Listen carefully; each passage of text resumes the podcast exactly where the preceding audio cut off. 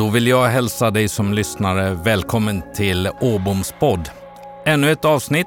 Jag vet inte om det är första gången du lyssnar eller om du har lyssnat på flera.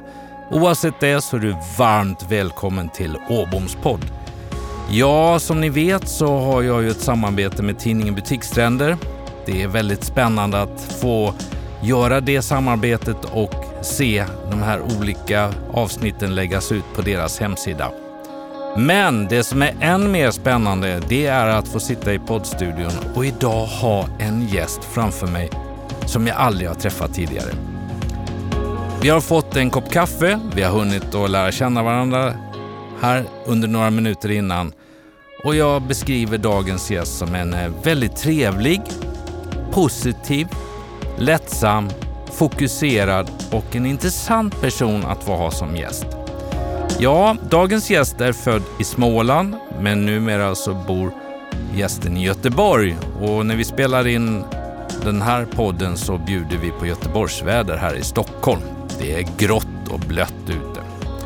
Gästen idag har en utbildning från Jönköpings universitet. Sen har jag hittat någonstans runt mitten på 90-talet så började karriären bland annat med, som produktchef på Webes konfektyr varit 11 år på företaget Göteborgskex. Det är ju väldigt välkänt. Och sen så ska vi kanske komma in på, heter det kex eller kex? Det får vi se. Och det var du fram till 2008 och då avslutade du den delen som marknadsdirektör. Haft en egen verksamhet, men 2011 klev du in som marknadschef på Specsavers och idag är min gäst då VD för Specsavers i Sverige. Spännande att få säga varmt välkommen till dig Marita Bertilsson. Och jättetrevligt och tack för att jag fick komma hit. Det är en riktig heder att bli inbjuden. Ja, det är ju jag och mina gäster som, som gör det här samtalet tillsammans. Men det är ju jag och lyssnarna som verkligen ska säga tack Marita för att du tog dig tid och satte av där och bjuder på din kompetens, din resa och inte minst din personlighet. För det är vad det här handlar om. Det är ett samtal. Jag är ju ingen journalist. Jag kommer inte intervjua dig. Jag letar inte efter något scoop om Specsavers eller om dig i de delarna, utan jag har ju fått tips av en god vän till mig, eh, Carolina, som jobbar hos dig som sa att Marita skulle vara en perfekt gäst. Och där har jag liksom tittat på det och då hittar vi ju det här samtalet som handlar om ledarskap, som handlar om att eh, dela med sig av vilka drivkrafter har man för att göra det jobbet eller ha den positionen du har. Vi pratar också om värderingar. Hur bygger man upp din kultur i den resan du har gjort? Så att eh, ett, ett riktigt samtal som vi ska ha under en timme tillsammans framöver i den här poddstudion. Det är tanken. Det ska bli spännande tycker mm. jag. Kan vi inte inleda med utöver då CVn, jag gillar ju, alltså jag har ju varit i dagligvaruhandeln så Webes och Göteborgskex är ju välkända för mig. Eh, kring de här. Men kan du inte berätta, jag nämnde född i Småland, nu bor i Göteborg. Vem är Marita? Mm. Som sagt var, jag är född i Småland men jag har vuxit upp i Västergötland, i Habo som ligger lite grann norr om Jönköping. Så man kan väl säga att jag är en hybrid av smålänning och västgöte. Smålänningarna de brukar säga vad kostar det? Men västgötarna säger kostar det något? Så då förstår ni lite grann kanske var jag kommer ifrån, vem jag är. Jag är född och uppvuxen i en arbetarklassfamilj. Jag har en handikappad mamma och det har naturligtvis satt lite spår i liksom hur jag har utvecklats och den jag har blivit. Jag är väldigt ödmjuk inför livet. Vi är tre systrar. Jag har eh, mellan positionen bland tre systrar. Och eh, för många år sedan när jag själv hade fått en son så var jag iväg och lyssnade på ett föredrag om hur man blir som, som vuxen beroende på vilken plats man har i syskonskaran. Och han sa att den svåraste, tuffaste positionen att ha, det är att vara flicka bland tre flickor. Därför att flickor slåss oftast om samma position. Jag känner inte igen mig riktigt i det, men jag tror att den positionen har präglat mig väldigt mycket i att, att vara diplomat. Alltid försöka ta hänsyn till andra människor, att respektera andra människor. Och min bakgrund eh, på landsbygden eh, i den här familjen har präglat mig så tillvida att jag har alltid lärt mig att ta ansvar. Jag fick väldigt tidigt i mitt liv hjälpa min mamma åka iväg och handla åt henne. Jag tror att jag var kanske fem, sex år första gången jag cyklade in till det lokala samhället och handlade. Därför att hon kunde inte cykla själv eller köra bil eller så, så det gjorde jag. Så jag har lärt mig att ta ansvar. Jag har också lärt mig att man gör rätt för sig. Man jobbar och man kämpar. Lite grann det här som ibland kan höra Stefan Löfven säga, gör din plikt. Mm. Och jag tycker att det är ganska fint. Man ska göra sin plikt och man ska vara en bra så att säga, medborgare på det viset att man bidrar. Det här med att vara mellansyster är jobbigt. Jag tror att vi är ju fyra syskon i min familj och eh, vi är tre bröder mm. och eh, jag tror att min syster skulle säga att det är jobbigare att vara en syra än att vara två. ja, hon sagt någon gång så här, med glimten i ögat till sina fina bröder. Jaha, vad, vad det hände i resan sen då? Vad, du landade i Göteborg. Mm, mm, mm. Alltså, min väg var inte helt utstakad från första början.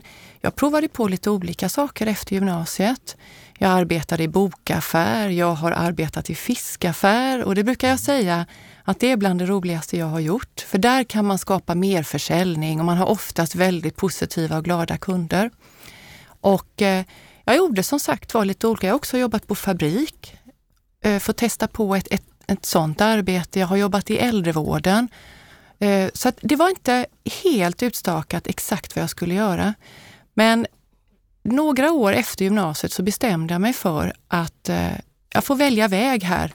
Och antingen så fortsätter jag och, och jobbar i butik. Jag hade väl egentligen en dröm om att kanske öppna någon, någon butik, alltså bokaffär. Jag är väldigt intresserad av böcker och jobbade i, i flera olika bokbutiker eller bokaffärer. Men sen bestämde jag mig för att nej, jag ska läsa ekonomi på högskolan. Och jag var ju en av de första eh, studenterna där på, på högskolan i Jönköping. Och under tiden som jag, som jag läste så jobbade jag väldigt mycket i den här fiskaffären då. Och eh, det var, tycker jag, ett, ett fantastiskt extrajobb som jag sa innan då. Väldigt, väldigt, roligt. Men på den vägen är det. Och eh, om jag säger rätt nu så, så gick jag ur skolan 1995 och det var då jag fick jobbet på Webers konfektyrindustri. Mm. Jag tror de flesta eh, förknippar det företaget med Ferraribilar och geléhallon och så. Det företaget finns ju inte kvar i Sverige längre. Det köptes ju upp av Toms. Mm. Och det var ett litet familjeföretag och det var en jättebra, ett jättebra första jobb för att komma in och liksom lära sig hantverket marknadsföring. Vem var det som ägde Webers då? Vad hette de? De hette familjen Wernbring. Det var två bröder. Hette han Mats? Mats Wernbring, ja. Han har jag träffat många gånger när jag var på Dagab och vi sålde det här och jag var i servicehandeln och till alla oljebolag. Så då träffade jag Mats. Ja men gud vad spännande. Ja. Tänk att världen är så liten. Ah, Härligt. Ja, nej, det är läckert med de här mötena. Att, att få träffas på det här sättet ja. och så ser man att det finns olika ytor där vi har, har nästan sprungit på varandra ja. tidigare. Men idag då, så sitter du som VD för något som heter Specsavers. Mm. Mm. För oss, ja, jag tror att i princip alla som lyssnar vet att det handlar om glasögon mm. i någon form. Kan du inte berätta lite kort bara? Mm. Vad är Specsavers? Specsavers är världens största privatägda optikkedja som grundades 1984 i Storbritannien av ett par som heter Doug och Mary Perkins. 1984 så var det väldigt svårt för människor att kunna köpa prisvärda glasögon och kontaktlinser. Det var någonting som var ganska dyrt och eh, de bestämde sig för att starta upp. De hade haft en annan kedja tidigare som de hade sålt av och hade väl kanske egentligen tänkt att dra sig tillbaka och göra någonting helt annat. Men så föddes idén Specsavers faktiskt på deras bordtennisbord i källaren på deras hus. Och de började skissa på detta. Såg, såg att det fanns ett behov av prisvärda produkter på den engelska marknaden. Och eh, helt omedelbart kan man ju säga så, så blev ju, alltså de fick ju kunderna, kunderna älskade ju det här därför att det saknades på marknaden just prisvärda produkter. Och eh, Doug och Mary bestämde sig för att vi ska göra Specsavers tillsammans med franchisetagare eller partners. Om du hör mig flera gånger säga partner så är det våra franchisetagare. Vi kallar dem för partners i Specsavers värld. Mm. Så vi ska inte öppna helägda butiker utan vi ska Vi ska ha eh, franchisetagare, partners som driver sin butik på sin lokala ort, som känner orten, som känner människorna som bor där. För då kan vi, då kan vi dra nytta av stordriftsfördelar från ett stort bolag med gemensamma inköp och så. Men vi kopplar ihop det med den här lokala närvaron. Och eh, idag har Specsavers ungefär 1500 butiker runt omkring i världen, 30 000 eh, anställda. Vi säljer 20 miljoner glasögon per år. Mm. I, till Sverige kom Specsavers 2004 och eh, det började egentligen med ett uppköp utav två, två stycken kedjor som då fanns som hette Blick och Två Blå. Och det var starten till Specsavers, ungefär då ja, 45-50 butiker någonting. Och sedan dess har vi vuxit organiskt. Idag har vi 116 butiker. När Specsavers kom in i Sverige så var det var alltså, Sverige var ett av de dyraste länderna i Europa att köpa glasögon i och människor eh, bytte ju inte glasögon speciellt ofta för att det var så dyrt. Mm. Och det här var ju en revolution när Specsavers kom in. Kanske inte alltid uppskattades utav alla våra konkurrenter för att det var ju en bransch som inte riktigt var van vid låga priser eller eh, prisvärda produkter på det viset. Nej, det kan jag förstå. Mm. 2011 klev du då in mm. där. Mm. Och då med rollen som marknadschef. Stämmer det. Och det var du fram till? Till 2015. 2015. Och eh, vi hade en väldigt spännande resa där åren mellan 2011 och 2015. När jag kom in på Specsavers så vi, vi mäter våra andelar i, i, i volym eller antal kunder. Mm. Och då låg vi någonstans kring ja, 19-20 2015 så hade vi 30 andelar, så vi gjorde en väldigt fin resa de åren. Och eh, skapade nya så säga, erbjudande strukturer som gjorde att vi kunde attrahera många fler kunder och mycket bredare. Så 2015 så gjorde vi någonting som kanske är lite ovanligt i de flesta bolag. Vi blev två personer som fick jobbet som Sverigechef. Vi delade på det. Det var jag och en kollega som hette Mark. Och eh, vi kallade oss för M&M's. Okej, vad fyndigt. ja, det var lite fyndigt. Uh -huh. Så vi var alltså, och det var ett helt nytt, nytt grepp. Så att han var egentligen Head of Retail och jag var Head of Marketing. Och så hade vi kvar våra roller men så delade vi på den här. Det gjorde vi ett år och sen tog jag över då som, som, som VD eller Sverigechef 2016. Och jag har haft den rollen sedan dess. Då. Och när man tittar lite så här klipp när man eh, går ut i media. Så du kommer in 2011, redan 2012 så, så eh, av eh, tidningen Resumé så utses du som eh, årets bästa marknadschef. Ja, och det var en riktig egoboost. Dessutom hade Resumé lite svårt för att få mig till Stockholm. Jag har ju sagt innan att jag är smålänning och lite mm. sådär, helst ska vända alla stenar och jobba på. Mm. Så att eh, de ringde och frågade mig om jag hade tänkt åka på den där galan. Eh, tänkte jag, vad ska jag på en gala och göra? Det är väl bättre att jag är hemma och jobbar, lite så. Ja, jag har väl någon mer sten jag kan vända på här. Mm. Och sen så ringer de igen. Nej, du måste nog komma. Varför det? Ja. Om du bara gör det och liksom... Ja, och, eh, och, och eh, jag åkte dit naturligtvis. Jag hade med mig kollegor och det var ju en fantastisk utmärkelse och som jag sa en riktig egoboost. Och eh, också ett bevis för att vi gjorde ett väldigt bra jobb. Mm. Och vi började den resan när jag kom in 2011 och, och vi fick väldigt liksom, fina effekter på det vi gjorde och våra mediainvesteringar. Vad häftigt. Ja, det var fantastiskt måste jag säga. Jag lever fortfarande på det. Ja, det kan jag förstå. Jag, jag måste säga, årets marknadschef utsågs ju här i veckan av Marknadsföreningen mm. och samtidigt så var det årets varumärkesresa. Just det. Mm. Och då är det fyra företag som är i final. Och kan du tänka dig att mitt företag, där jag, eller mitt, där jag är, har förmånen att vara vd och koncernchef, Fonus, var ett utav de fyra. Att en begravningsbyrå fick vara med i det sammanhanget och slåss med Postnord och SJ och så vidare. Det var häftigt eh, kring det. Nu lyckades vi inte ta eh, första platsen, men ändå. Men eh, vi har gjort väldigt mycket och jag förstår ju din boost kring det här, för min eh, marknadschef Lisa, liksom, det jobbet som hon och marknadsteamet gör, hur mycket det är och det kommer ut och man får någon form av bekräftelse. Mm det är ju häftigt. Och du måste hälsa Lisa. Jag måste säga det, den här senaste reklamfilmen jag har sett från Fonus just med, med husdjur. Jag kommer ah, inte ihåg vad ni kallar det. Djuränklingar. Djuränklingar, ja. Den går rätt in i hjärtat. Jag ja. tycker att det är fantastiskt ja, bra. Ja, det ska jag göra. Mm. Ja, den är riktigt stark. Nu kommer den i Norge också, kan. Där, där finns inte det ordet så det blir något annat. Men det, vi rullar den vidare för den har blivit så otroligt väl mottagen. Mm, jag mm. förstår det. Och jag som då har en hund, eh, mina kollegor tycker att jag pratar ibland kanske lite mycket om honom.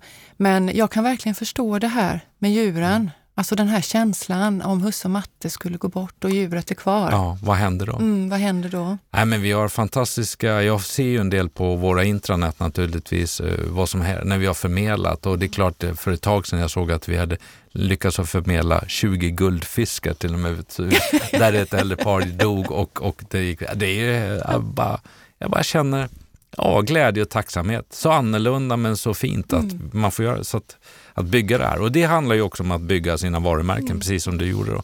Eh, sen hittade jag det här med Specsavers vd siktar på att ta halva marknaden och ska öppna fler butiker och så vidare. Innebär det att vi hittar en profil hos dig Marita som är eh, framåtlutad, eh, vill någonting, tillväxt? Kan du beskriva lite grann om dig som bolagsledare? Mm. Och jag vill åstadkomma saker tillsammans med teamet. Det var en person jag träffade en gång. Han beskrev mig, han använde just det ordet framåtlutad. Mm. Ja, så det är intressant att jag hör det från dig. Men viljan att åstadkomma saker, att förflytta fram positionerna. Jag tycker väldigt mycket om att prata visioner och försöka inspirera. Och jag vill ju naturligtvis, för jag ser vilka möjligheter vi har och jag ser eh, dem och då vill jag ju också se till att vi, att vi växer och att vi, att vi tar så att säga, en ännu starkare position på marknaden. Men samtidigt så är det också så roligt att skapa tillväxt och, och, och så att säga eh, hela den här resan för man ser det här jäkla anamma hos teamet. När man, när man samlas kring någonting och man jobbar ihop som ett team för att åstadkomma förändring. Det är ju det som väldigt mycket får mig att vilja gå till jobbet på morgonen, som får mig att brinna för det jag gör.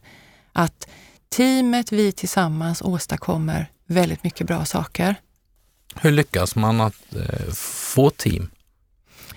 Jag tror väldigt mycket att det, hand, att det börjar med dig själv som ledare. Jag tror att man måste vilja vara ledare, inte bara en chef och få en titel utan vilja leda människor och en, alltså det här att, att kunna formulera en vision, prata väldigt mycket varför. Var, varför gör vi detta? Vadet pratar vi ofta om och jag tror att vadet kanske ibland är det enkla, men det, för att få människor brinna för någonting så måste man förklara varför.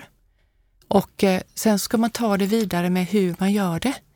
Och jag tror att om vi tittar på hela Specsavers idé och varför vi finns till, så finns det ju ett väldigt tydligt varför och det är att vi ska kunna erbjuda synvård till alla människor oavsett storleken på, på plånboken. Och eh, att ha en idé att samlas kring.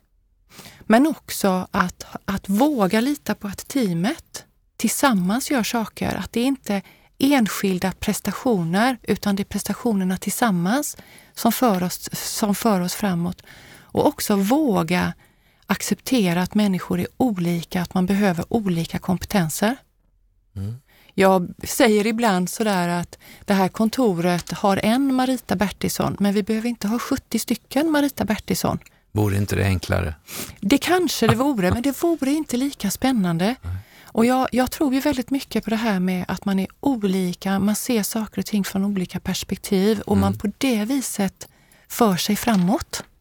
Alltså det handlar väl om det här pusslet att se vilka profiler behöver vi sätta samman för att, att uh, utveckla sig. Man behöver ju de som är framåtlutade mm. men man behöver också de som är lite mer reflekterande, ja, lite olika mm. uttrycksfulla eller vad, de kan, vad vi nu säger att de kan vara. Mm. Att att sätta samman det för att verkligen få det bästa av varje egenskap och fungera som ett lag. Och våga göra det också. Mm. Jag tror ibland att det är lättare att välja någon som är som jag själv. Mm. Och det är svårare att välja någon som kanske emellanåt sätter sig på din axel och säger, men hur tänkte du där? Och det handlar ju om mod. Alltså som ledare måste man ju vara modig på många olika sätt. Man måste våga fatta beslut ibland. Man måste våga ta obehagliga diskussioner. Men man måste också våga att, att attrahera och jobba med människor som kanske inte alltid tänker precis som, som du tänker. Nej. Och det, det sättet att komma framåt på, tro, tror jag då. Mm. Men i grund och botten så handlar det väldigt mycket om liksom hur trygg man är i sig själv och vilken ledare man vill vara och hur man vill vara mot människor tror jag. Men nu har du, du har liksom ett huvudkontor eller något sånt, där ni har liksom Specsavers AB på något sätt. Sen har du franchisetagarna och era partners mm. runt om eh, alla de butikerna. Eh, det är ju liksom, hur, ser du skillnad i att få med dem i din teamtänk, att involvera dem, att göra dem som en viktigt steg, kugge i resan på något sätt? Vilken väldigt bra fråga. Och eh, det är det här som gör jobbet så intressant för att vi har, vi har partners där ute som har investerat pengar i sin butik och de är inte anställda av mig så jag kan inte peka med hela handen och det kan ingen göra som jobbar på supportkontoret. Utan vi ska få med människor och det ställer väldigt krav på oss att vi kan måla upp visionen, att vi kan inspirera och förklara deras varför. Varför ska de vara med på den här resan och vilja tro på samma saker som, som vi tror på? Och eh, det här ställer ju krav på, på ledarskapet att bygga starka relationer. Och eh, det är mycket av mitt jobb handlar ju om, om att bygga relationer. Inte bara alltid att konstatera att människor gör på ett visst sätt utan också varför gör man så? Vad är det som ligger bakom? För ibland kan det ju vara saker som på ytan verkar helt logiska och jag kan inte förstå, men varför? Varför tycker inte den personen som jag? Mm. Vad är det jag inte ser och inte förstår? Och jag tror att, jag pratade innan om min bakgrund, det här att vara lite diplomat och sådär. Jag är ju, jag har ju lärt mig att, att så att säga vara ödmjuk inför livet och försöka förstå varför tänker man och gör man som man gör. Och jag tror att det är en väldigt viktig egenskap när man jobbar med människor för att försöka ta sig framåt. För att jag är ingenting utan våra partners och vi på supportkontoret är ju inte heller någonting utan dem. Samtidigt som att de är ju inte heller de är ju inte heller så att säga framgång om inte de har oss som jobbar med de övergripande sakerna och som bygger varumärket och så. Så att det här är ju en symbios som ska fungera. Men jag kan inte gå ut och peka med hela handen. De här partnerna då, det är ju, det är ju entreprenörer, mm. det är ju familjebolag mm. och så vidare. Att genomföra eh, er konceptuella resa och det, ser du, är det en utmaning eller får ni till det på ett bra sätt så att det, det fungerar likadant över? För jag menar, ni har manualer och så vidare och så vidare. Mm. Mm. Ja, det är också en väldigt bra fråga. Och eh, hur långt är ett snöre? Ja. Men, men ja, alla människor har ju alltid olika alltså, tolkningar. Hur mycket man än kommunicerar, hur mycket man än förklarar varför, så är det klart att kommunikation kan uppfattas på olika sätt. Jag skulle vilja säga att i det stora hela så fungerar det väldigt bra. Eh, vi jobbar otroligt mycket med att försöka så att säga, få konceptet att se likadant ut överallt. Och eh, det är viktigt eftersom kunden vet ju inte att vi har franchisetagare eller partners. Kunden tror ju att vi så att säga är en helägd kedja. Och därför så jobbar vi mycket med detta. Vi har otroligt mycket utbildningar. Det är någonting som ligger familjen Perkins och Specsavers väldigt varmt om hjärtat. Att hela tiden jobba med utbildningar, jobba med vår kundresa, jobba med förståelse för vårt gemensamma varumärke och vår, vår modell. Men det ställer krav på oss att prata varför hela tiden. Ja, det gör det. Det kan jag förstå. Kommunikation. Mm. Förr i tiden satte man sig vid en IBM-skrivmaskin. Ehm, det avslöjar väl ungefär vilken ålder jag är. Eh, att jag har, den fanns mycket tidigare, men jag har sett den här och, och så vidare. Och så skrev man ett brev, det skulle tryckas, det skickades ut eller lades i postfack. Jag menar, det, idag, det är ju vi lever ju ett helt annat liv idag hur vi ska kommunicera. Mm. Hur, hur mycket tid lägger du på att kommunicera då, både till dina anställda så att säga i, i bolaget mm. men även ut till, till era partners? Jättemycket tid och det är svårt att uppskatta, uppskatta så i tid för jag, jag menar ju att kommunikationen sker hela tiden. och i, i mail naturligtvis när man pratar med en enskild individ. Men det sker ju också i grupper, i, den, i all kommunikation som vi skickar ut från supportkontoret. Och eh, det är den absolut en av de viktigaste sakerna som jag och, och teamet måste, eller som vi jobbar med. Och det är att, att se till att kommunikationen är välintegrerad och att den, den är samma oavsett var vi någonstans eh, kommunicerar i organisationen. Och jag skulle nog vilja säga att det här senaste året, coronaåret, har ställt väldigt mycket krav på snabbhet i kommunikationen, på tydlighet. Mm, och inte bara det här att skicka ut en information utan hela tiden tänka på hur tar mottagaren emot det här? Har vi formulerat den på ett sådant sätt så att det blir tydligt för den som läser det för första gången? Så vi jobbar väldigt mycket med det, inte bara skriva någonting utan tänka, okej okay, det är jag som säger det, det är jag som ska få ut det, men det är inte jag som ska nås av kommunikationen. Och hur, hur ska jag då kommunicera så att den verkligen kommer fram? Mm. Och det där vet vi ju allihopa. Man kan ju tycka att man säger en sak till, till, till barnen, men det var inte alls det som blev. Det, helt rätt. Det, är, eh, det, det tolkas olika. Ja, men så är det. Och det gäller att försöka liksom minimera och vara så tydlig det kan, man, man kan vara. Nej, men jag har haft någon i, i min närhet då, så att säga, i ledningen och så här, så här oh, är, du, är, du, är du arg i tonen? Nej.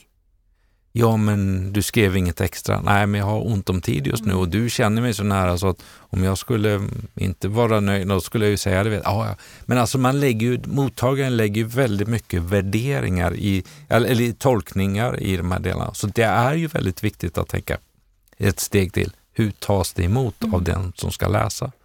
Jag kommer ihåg en gång när jag gick på gymnasiet så, så hade jag en, en, en filosofilärare som sa att vi lever alla i olika världar. Och då var jag 16 år gammal och tyckte han var hur koko som helst. Vadå olika världar? Vi lever väl här allihopa? Mm. Mm. Vad pratar han om? Och eh, då var jag alldeles uppenbart inte mogen att förstå det. Och eh, när jag var yngre så var jag nog lite mer svart eller vit, men T-sagt är väl T-sagt, det är ju så här det är. Jag har ju sagt det här och det är så här det är. Men i takt med att man blir äldre så, så inser man att ja, det finns lite fler nyanser på saker och ting. Mm. Och eh, det som är tydligt och enkelt för mig behöver inte vara det för andra. Och det är därför det är så otroligt viktigt att förstå den andra sidan som man kommunicerat med, som kanske inte har all den informationen som jag har. Nej. Som sitter på en helt annan informationsbank i just det ärendet än vad kanske jag gör. Så det måste man, eh, det måste man sätta sig in i och förstå. Hur skulle du Marita beskriva dig som eh, ledare, VD så att säga? Då? Hur, med några ord. Mm. Jag har fått höra att jag är, att jag är, eh, alltså kan skilja på sak och person. Mm, skilja på sak och mm. person. Mm. Att jag inte är speciellt nostalgisk, att att saker och ting som har hänt, de har hänt och så går vi vidare ifrån det. Jag får, får höra att eh, jag har lätt att fatta beslut. Även ibland kanske på otillräckligt underlag. Men jag fattar ett beslut, för ibland är man ju i de situationerna. Och det har vi framförallt sett under det här året att eh, ibland måste man fatta beslut och göra det snabbt. Jag hör ofta att jag är väldigt rättvis och eh, kreativ, inspirerande. Men att jag också är vänlig mot människor. Och jag hörde en man en gång, han sa, en australiensare som vi har jobbat en del med som heter Greg Nathan. Han, han, han, han, har sagt två ord som jag har tagit fasta på som jag tycker beskriver det här så bra. Han säger att man ska vara firm but friendly. Så man ska vara tydlig i sak, men man ska vara vänlig mot, mot människor. Och det tycker jag är så otroligt, jag tycker att det är så bra, jag tycker det säger så mycket mm. om hur man ska vara som ledare. Men sen ska man ju också... Alltså jag tycker att man ska vara så transparent som det går och försöka att, att förenkla. Men också att om jag säger någonting så måste jag leva efter det. Annars så blir man, annars blir man inte trovärdig. Man ska leva som man lär. Och det tror jag att jag har lärt mig hemifrån. Att, att, att gör, dig, gör dig själv inte till något finare än vad du är. Nej. Och jag har aldrig sett mig, jag ser mig inte som att jag, även om jag så säga, har en högre position, så ser jag mig som att ja, men jag är en människa som alla andra, men jag har ett annat jobb jag ska utföra. Och ibland ställer det ju krav på mig som man kanske då inte har på, på, på andra roller. Men så är det.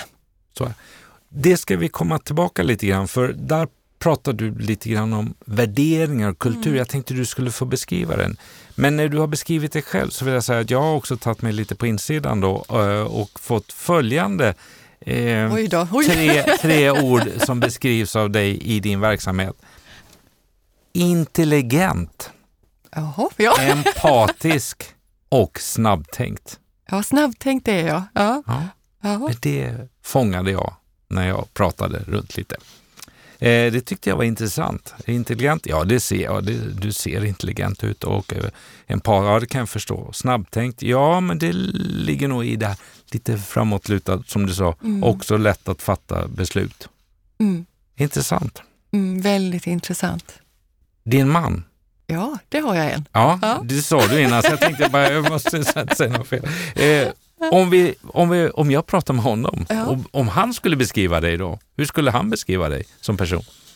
Han skulle, han skulle säkerligen beskriva mig som beslutsmässig. Han skulle beskriva mig som snabbtänkt. Det, det, det tror jag. Också, också väldigt vänlig. Men han skulle säkert också säga att ibland kan hon vara lite hård. Och det är så med mig. Jag är snäll. Jag är ju en, en, en vänlig person i grund och botten och jag är intresserad av människor. Men det är klart att även en sån, så, sån som jag kan ju bli arg. Mm. Men det händer inte ofta. Det kanske händer en gång av hundra, men då blir jag väldigt arg. Då pyser det liksom över. Men, men, och jag tror också att man får respekt genom att inte ständigt pysa över. Utan, utan de som jobbar med mig, de vet att blir jag riktigt förbaskad, då blir jag riktigt förbaskad. Men jag slösar inte med det. Nej. Det, det är väl använt när det väl behövs. Då är det liksom det. Nej, och jag menar, vi är ju vuxna människor och alla människor har ett ansvar i att, att uppföra sig på ett bra sätt, tycker jag. Helt rätt. Jag sa Marita, värderingar, mm. kultur. Hur skulle du beskriva vad värderingar står för dig och vilken kultur ni har på Specsavers? Mm. Mm. Mm. Alltså vi har en väldigt, om enkelt uttryckt, vi har ju en väldigt familjär kultur som, som är väldigt präglad av att vi är ett familjeföretag. En kultur där vi väldigt mycket tar hand om varandra. Vi intresserar oss för, för varandra.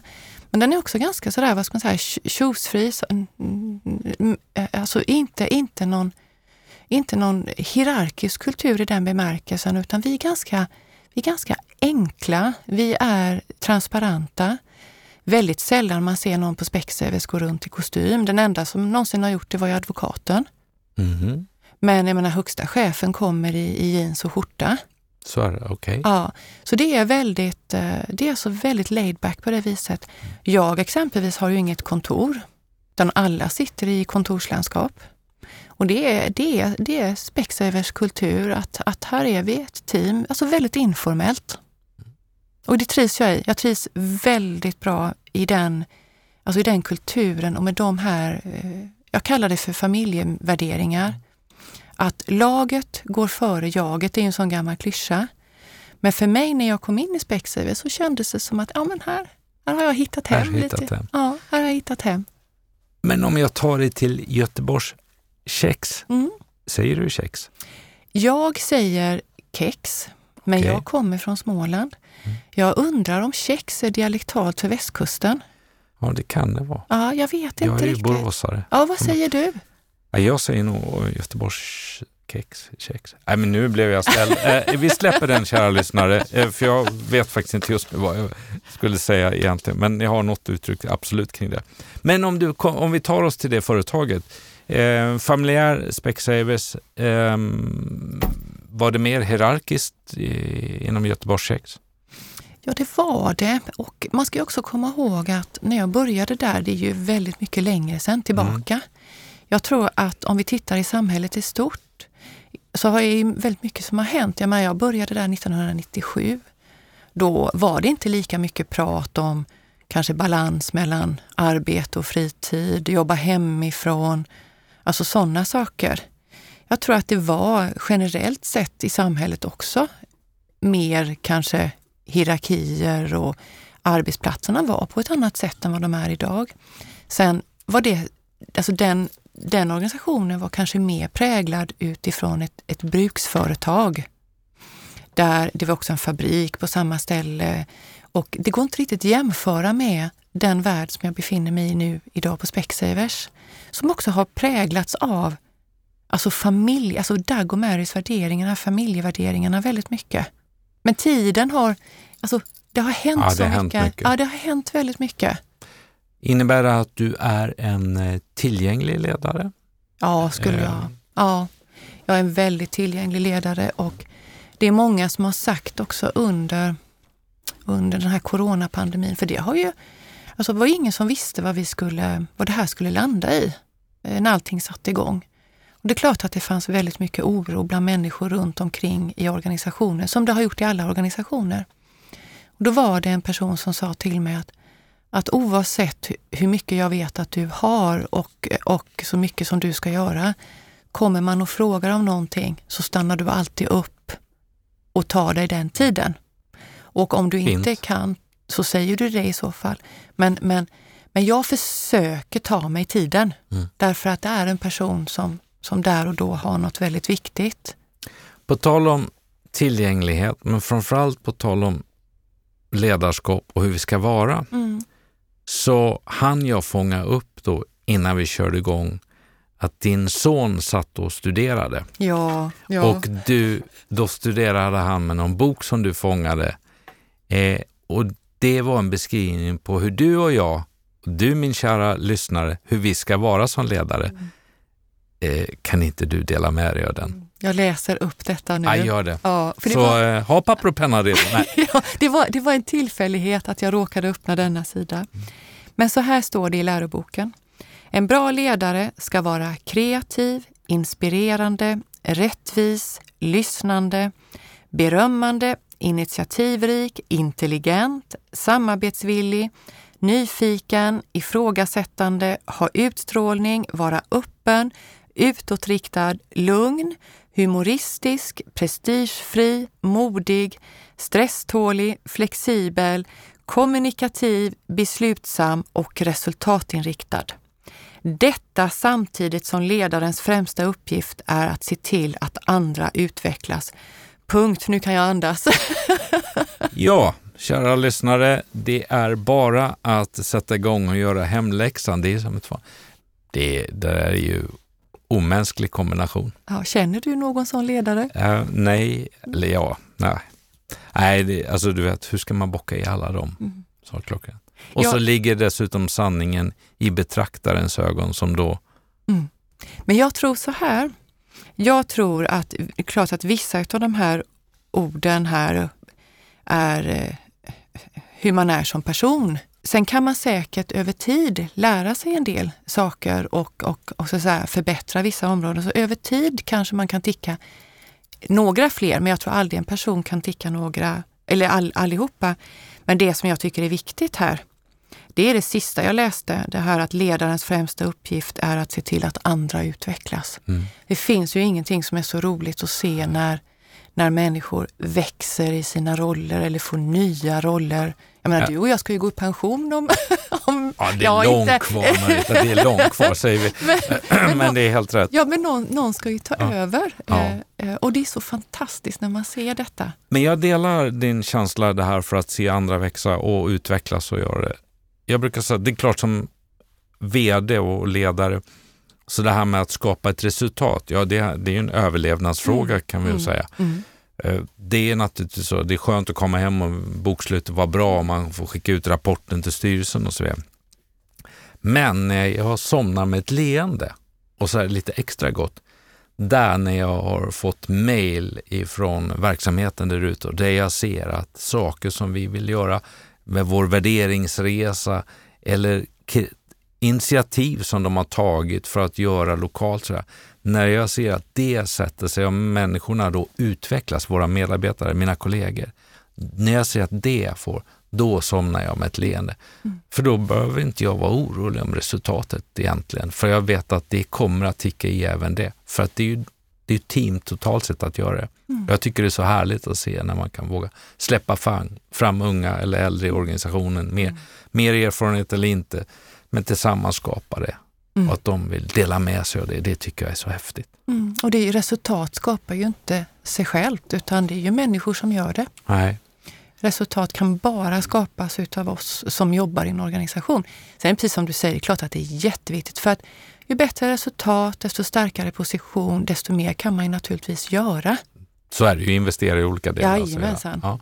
Men för att skapa det då så, så är jag lite nyfiken på det Marita, vad det gäller drivkrafter. Mm. Mm. Vad är det som eh, vad är det som har drivit dig från metropolen Habo till eh, den resa du har gjort yrkesmässigt om företagen och att du nu då är VD för en stor eh, kedja verksamhet, retailverksamhet mm. Mm. som heter Specsavers. Om jag backar tillbaka lite grann när jag växte upp som barn. Min, min bästa kompis, det var väl egentligen hon och jag då som, vi pratade mycket om vad ska vi göra? Eh, vi ville inte vara kvar i lilla Habo. Vi ville någonting annat. Och jag tror att vi stöttade varandra väldigt mycket, hon och jag. Och jag menar, jag växte upp på, på landsbygden och det var nog relativt få, jag har ju inte kontakt med alla idag, men jag tror att det var relativt få ändå som valde att gå på universitetet och flytta därifrån. Men vi hade den här drömmen av att lite grann så att säga, komma ifrån lilla Habo och se mer utav världen. Och jag tror att det var det som startade resan. Att, att, att, att göra någonting mer. Och eh, sen för det var liksom del ett i livet att komma in på universitetet, få sig en utbildning och få det här första jobbet. Sen har drivkrafterna under resans gång eh, förändrats. För, mig idag så handlar det om att skapa någonting, att skapa något mer än det jag har här och nu. Att, eh, jag menar, när jag kom in på Specsavers så var vi, då hade vi en viss storlek. Men för varje, för varje extra andel vi tar i marknadsandelar, för varje extra par som vi säljer, så är det ju, så är det ju någonting som, så, så, som jag firar och teamet firar genom att vi växer. Så den drivkraften att åstadkomma någonting nytt hela tiden, något större, något, något förändrat, det är en drivkraft för mig. Men att också göra det tillsammans med, med, med teamet och se dem växa i det här. Det, för mig räcker inte resultatet enbart. Det skulle kännas lite för torftigt. Utan för mig är det så viktigt att se att människor är med och växer på den resan.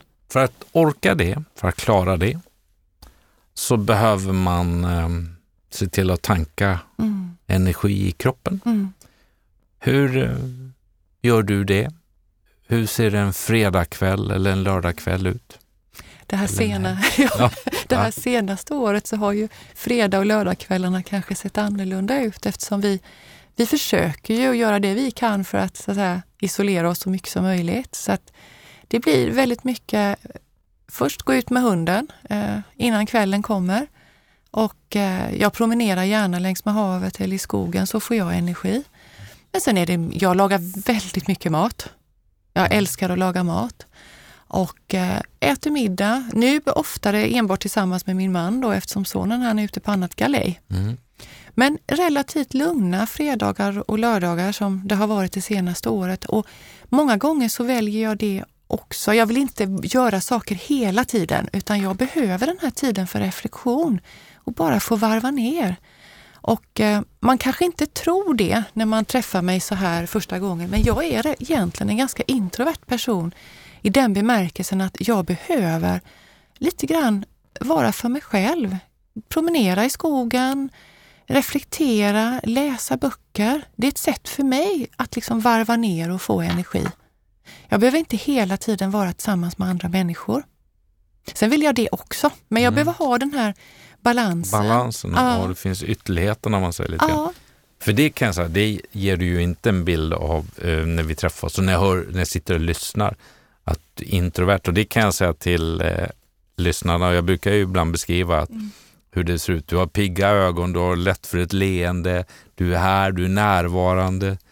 Så det är inte någon mussla man har få, nej, nej, fått möjlighet att ha som gäst idag. nej, utan det är mer det här hur man tar sin energi. Ja. Och jag har ett behov för reflektionstid som det så fint mm. heter. Och eh, jag tycker det är vansinnigt skönt att bara gå och promenera ett par timmar på lördagen med hunden. Eh, mm. Som jag och min man gör varje lördag och söndag innan, innan lunch. Och eh, laga mat, läsa böcker, vara med vänner. Eh, sen har inte det så säga, under det här senaste Nej, året varit lika mycket av den varan. Sen tycker jag ju om att, jag tycker om att resa. Mm. Jag tycker om att vara på havet, åka skidor. Det, visst, nu kommer vi in på intresse ja. då. Havet, skidor? Ja. ja, havet och skidor. Sen så kan man väl säga som så här att innan coronan, eh, pandemin slog till, jag har ju en son som seglar så att många helger har vi varit iväg på tävlingar med honom. Och det har ju tagit en stor del av så säga, hela familjens tid. Mm. Men det har varit fantastiskt. Ja. Och eh, det har inte varit så mycket sånt det senaste året. Nej, det är jag har ju haft några, jag har haft några artist här och, så här, och idrott. Så här. Det är ett väldigt annorlunda år vi mm. som ledare har fått uppleva och som inte bara ledare utan vi som, som människor har fått uppleva. Mm, verkligen annorlunda. Men jag har också jag har reflekterat mycket kring det här året, för jag har sett jag har sett så mycket fantastiska saker, alltså hur människor stöttar och hjälper varandra. Hur, hur man rullar upp ärmarna och hugger i där det behövs. Och eh, jag har sett en sån fantastisk utveckling och eh, jag såg en kommentar som någon hade skrivit att jag hade inte lärt mig så, alltså så här mycket som jag har lärt mig det här senaste året. Det hade tagit mig över tio år av utveckling. Och eh, förhoppningsvis så lär vi oss någonting utav det här också. Att allt ont, eller allt, allt ont, vad, vad är det vi säger? Att det, allt ont har något gott med sig också. Ja, jag, jag tror att vi, det är många som gör en eh, resa mm. i, i det här och som, som utvecklande. Vi har lärt oss mycket på olika sätt, mm. såväl både praktiskt som, mm. som rent mentalt, helt mm. klart. Mm. Och vi har påverkats. Mm. Eh, jag gillar att dela med mig av, och jag gillar att nätverka. Jag tycker det är så härligt att träffa nya personer, precis som vi får träffas i dagens poddstudio i det här avsnittet, Marita. Så är det att dela med sig i livet.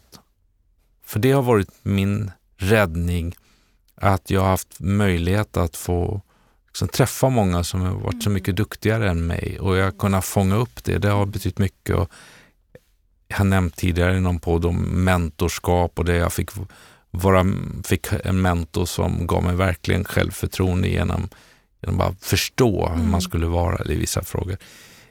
Så att jag hoppas att jag har lyssnare som är på väg i en resa och som skulle behöva ytterligare några tips. Mm. Jag tänkte fråga, vad skulle du skicka med för de som är lite yngre eller är på väg in i en första ledarroll? Mm. Vad skulle du skicka med till dem? Mm. En sak som jag har lärt mig under livet, eh, tyvärr så ser jag det emellanåt och jag vet inte om det är mer ett kvinnligt drag det här att man tror att man måste överarbeta allting. Vissa saker ska man göra till mer än 100 procent. Men det finns också saker där man kanske kan göra dem till 80 procent och det är good enough. Och jag tror att det är otroligt viktigt att, att skaffa sig den erfarenheten. Vad behöver jag göra väldigt, väldigt, väldigt, väldigt bra? Men vad kan jag någonstans göra något mindre för att hitta den här balansen?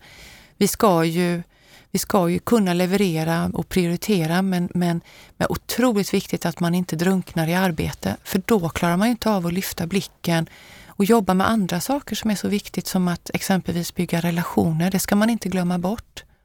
Man kan inte bara vara där och vända stenar och jobba i myllan. Man ska bygga, man ska bygga relationer också.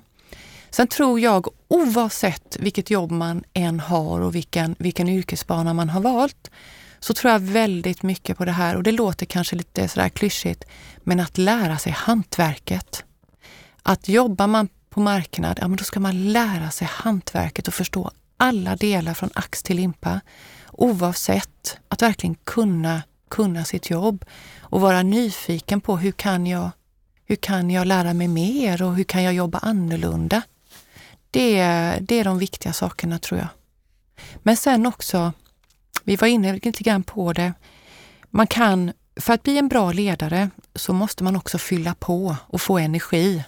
Man måste fylla på, man måste få in energi och, och, och tycka att det är roligt att gå till jobbet på måndagen. Och det gör man kanske inte om man bara jobbar och jobbar och jobbar och jobbar och man aldrig får ladda. Så fyll på med energi. Är det inte lätt i dagens brus där vi, alltså oavsett vilken ålder vi är då så, så ska det göras mycket mm. mer. Vi eh, bor i en storstad så, så är det ännu mer puls kanske mm. i vissa delar. Det är dessutom längre resor till och från mm. jobbet, så kan det vara. Men vi lever också i ett samhälle där vi har liksom överöst av den digitala mm. Eh, resan i, i samhället mm. som också då innebär sociala medier, mm. du ska vara uppkopplad mm. och så vidare. Och så vidare. Mm. Det, är en belastning också på oss. Alltså, hur klarar vi det? Hur, hur ska vi klara det som ledare? För jag menar någonstans så är det inte så att vi behöver sova. Vi behöver återhämtning. Mm. Alltså jag, har, jag har alltid försökt att vara väldigt så att säga, tydlig och härlig mot mig själv. Och ins, jag insåg, framförallt när min son var liten, att om jag, om jag klarar av mitt arbete och jag klarar av att vara en bra mamma, då är jag mer än good enough. Och jag tror att det är det här man måste, man måste prata med sig själv och inte ställa de kraven på att jag ska ha alla perfekta fester, alla perfekta middagar, mm.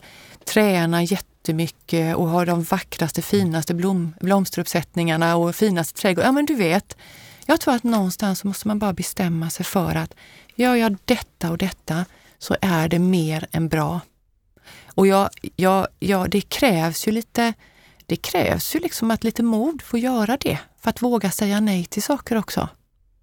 Men jag tror ibland att den här hetsen eh, som, som vi kan hamna i på grund av sociala medier. För att det är klart att människor lägger upp bara bilder och fina saker när de gör något bra. Och när de är ute på den där drömsemestern. Jag har ju aldrig sett någon som lägger ut något för att mannen, man har skilt sig och liksom allt är nattsvart och så. Nej. Det är inte den sidan vi ser. Vi får bara se det här rosenröda och, och, och, och det, det som liksom är, är det fina och bra. Men alla sliter ju med att få livet att gå ihop.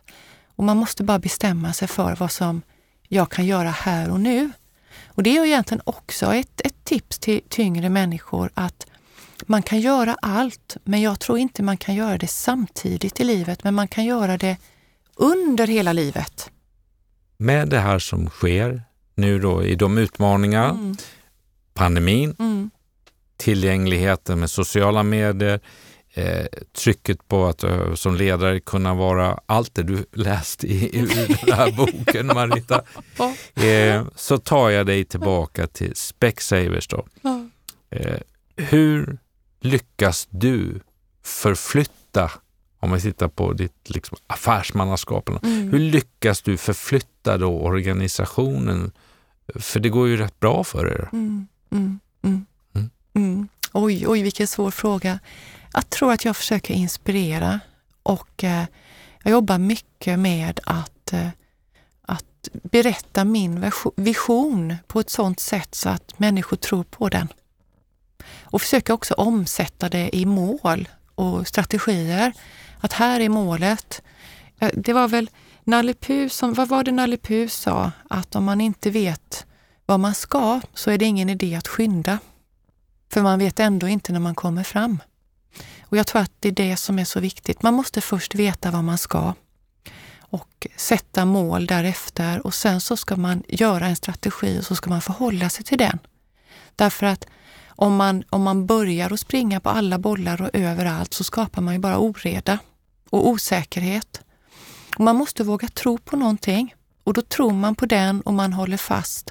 Skulle det sen visa sig att ja, det här funkade inte, ja, men då måste man vara snabb och kunna ställa om. Men att ha den där ledstjärnan, det här tror vi är rätt och riktigt och så går vi åt det hållet och söker vi få med alla människor på det. Men det är ju naturligtvis alltid lättare i teorin än i praktiken, mm. eller hur? Yes, man kan göra några powerpoint-bilder och lite annat, eller hur? Är det en tuff marknad? Är det mycket konkurrens?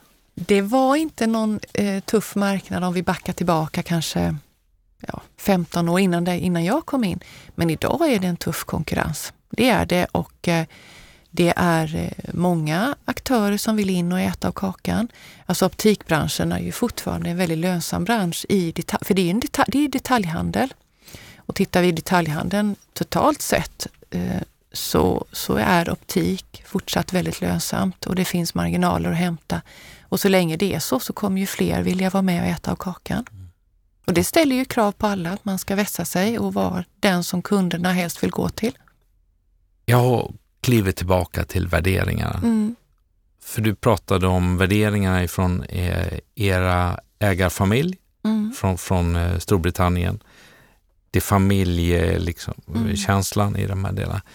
Men när man kommer in då, hur, hur mycket tid eller hur svårt, inte svårt, men hur lägger ni upp för att rekrytera in rätt? Mm. För Mm. att funka det? För att en del vill ju inte, de vill ju ha kostym. Mm.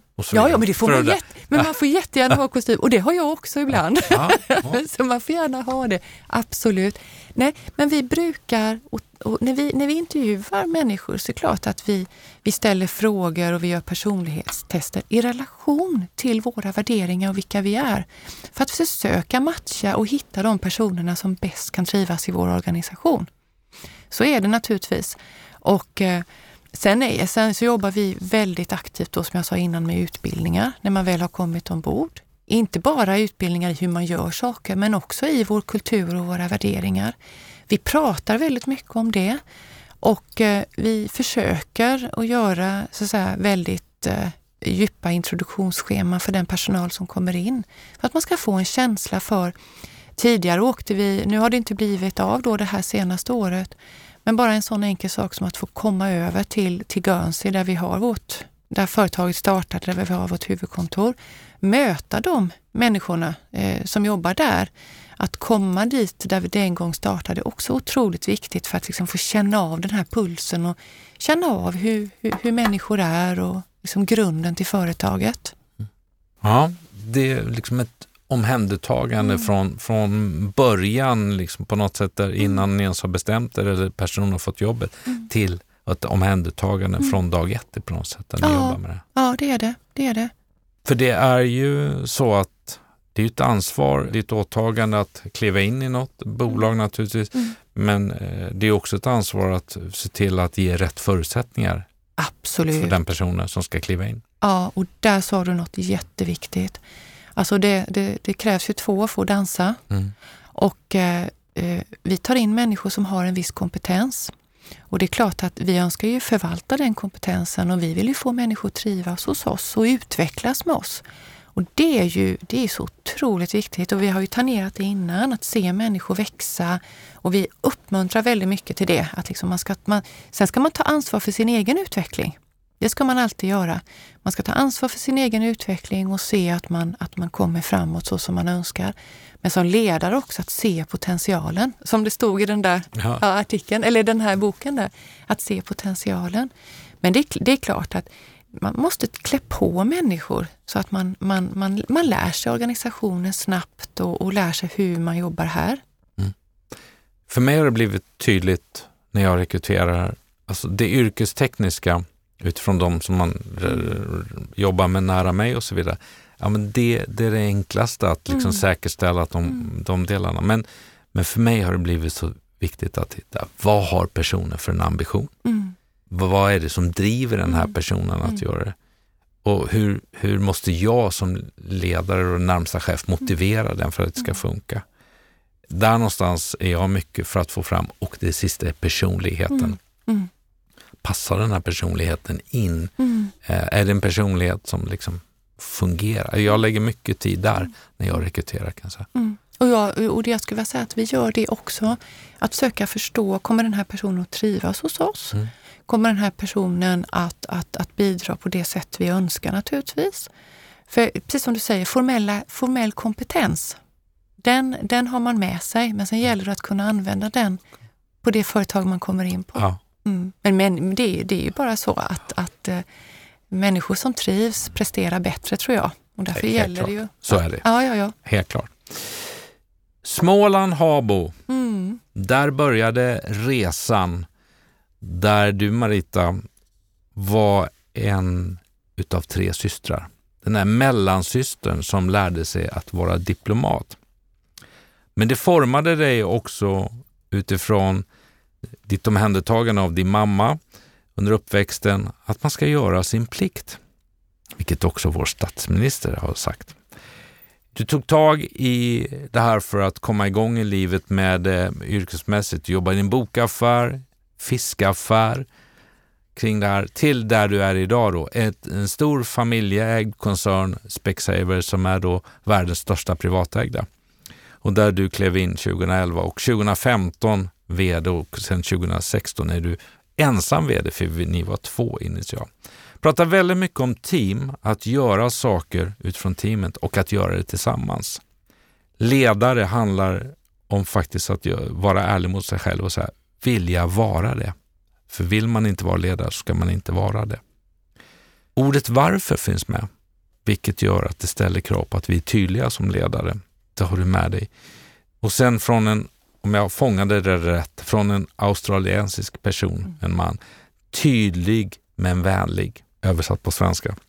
Ja, drivkraftsresan som började från Habo, eller lilla Habo som du sa då, Eh, det handlar om att åstadkomma något nytt, men du återkommer även där till tankarna kring ledarskapet, teamet i de här delarna. Och det har du fört med dig i det här och inte minst när du beskriver dig själv så kan vi säga att jag har en gäst vid dagens podd.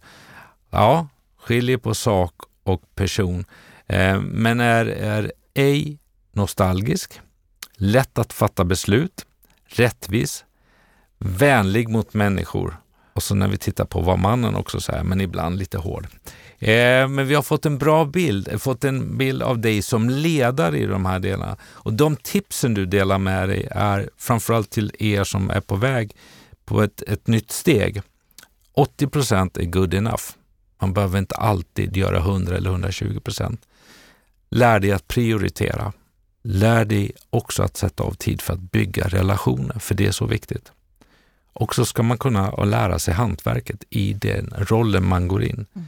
Men sätt också av tid för att fylla på energi. För utan energi i kroppen så kommer du inte orka och du kommer inte vara en bra ledare. Man kan göra allt, men man kan inte göra det samtidigt. Men du kanske kan göra allt under en livsresa. Ha det perspektivet.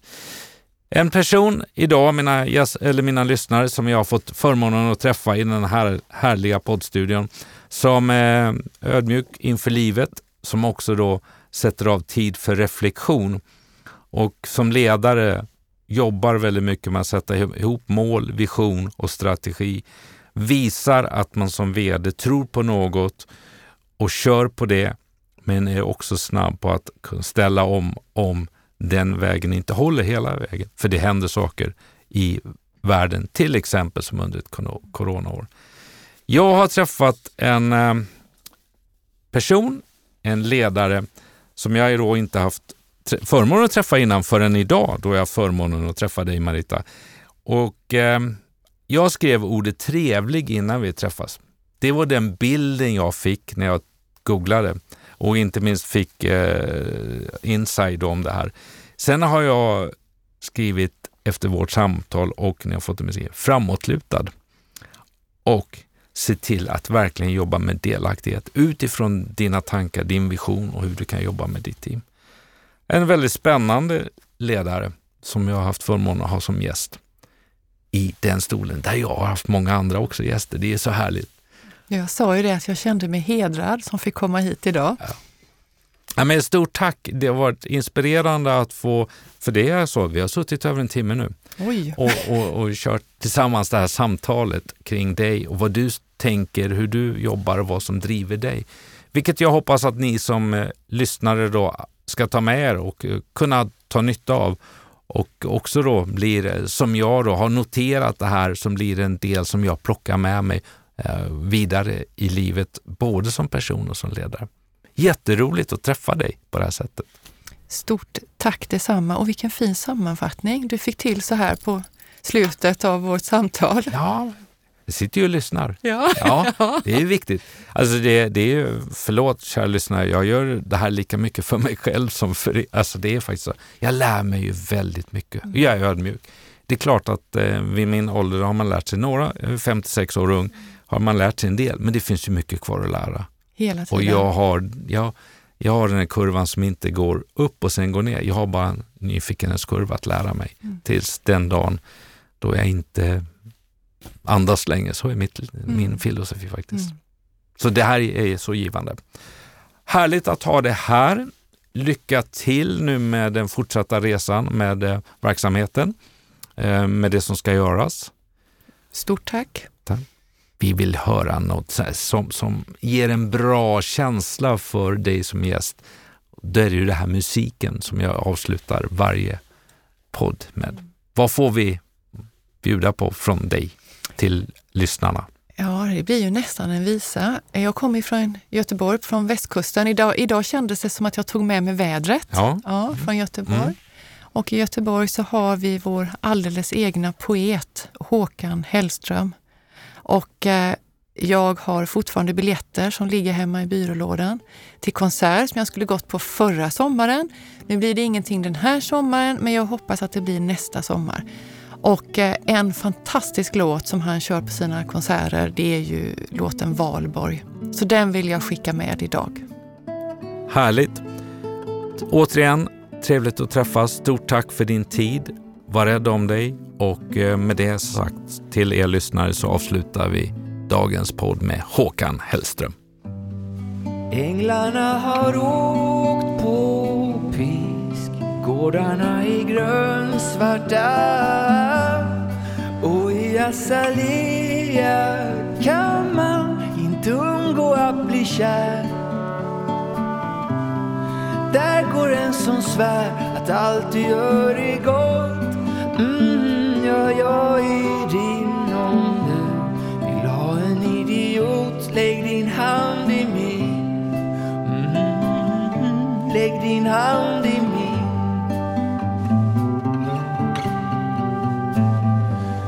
Har ingen plats att kalla hem.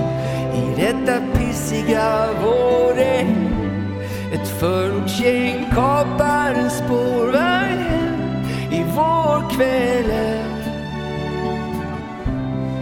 Provsmakar livets heroin.